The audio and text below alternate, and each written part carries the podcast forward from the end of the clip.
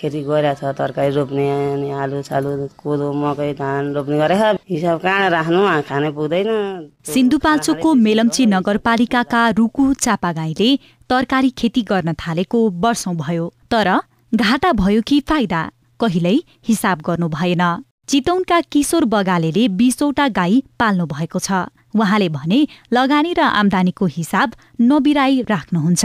घाँसमा कति खर्च हुन्छ मेन पावरमा कति खर्च हुन्छ पानीमा बिजुलीमा होइन कति खर्च हुन्छ। अर्को कुरो आफू कहाँ छु भनेर थाहा पाउनलाई पनि हिसाब किताब त राख्नु पर्यो बिजनेस हो हाम्रो। पाँच थरका चेत बहादुर तामाङ पनि खेती किसानीमा नै अधिकांश समय बिताउनुहुन्छ।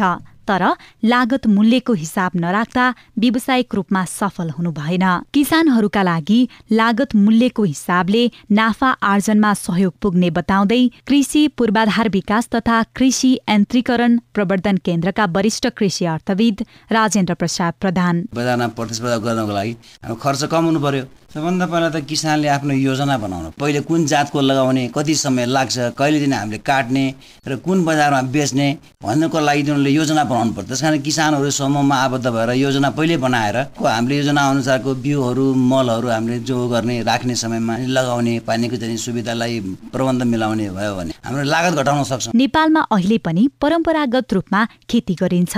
हलो कुटो कोदालोको प्रयोग कायमै छ भने सामूहिक खेती किसानी बढ्न सकेको छैन। त्यसैले किसानहरूले घाटा बिहोर्नु परेको छ। अनुमानित दुई प्रतिशत किसानले मात्र लागत मूल्यको हिसाब गर्ने गरेको विज्ञहरू बताउँछन्। यान्त्रीकरण बढाउँदै लगेर थोरै लागतमा धेरै आमदानी गर्न सकिन्छ। कृषि अनुसन्धान परिषदका मुख्य वैज्ञानिक हरिकृष्ण उप्रेती। प्रविधिहरू चाहिँ आइरहेको अवस्था छ।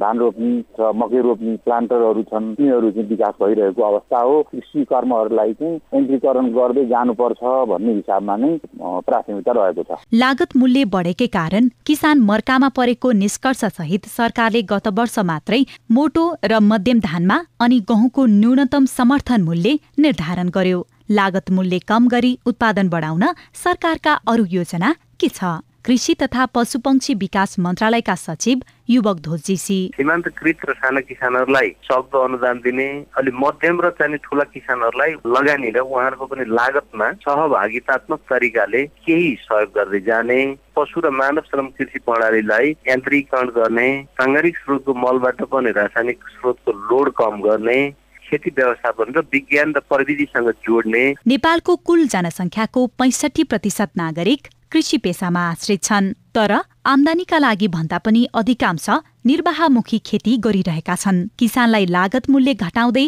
आमदानी बढाउने गरी तिनै तहका सरकारले योजना बनाउनु आवश्यक छ। सृजना बराल सिआइएन काठमाडौँ।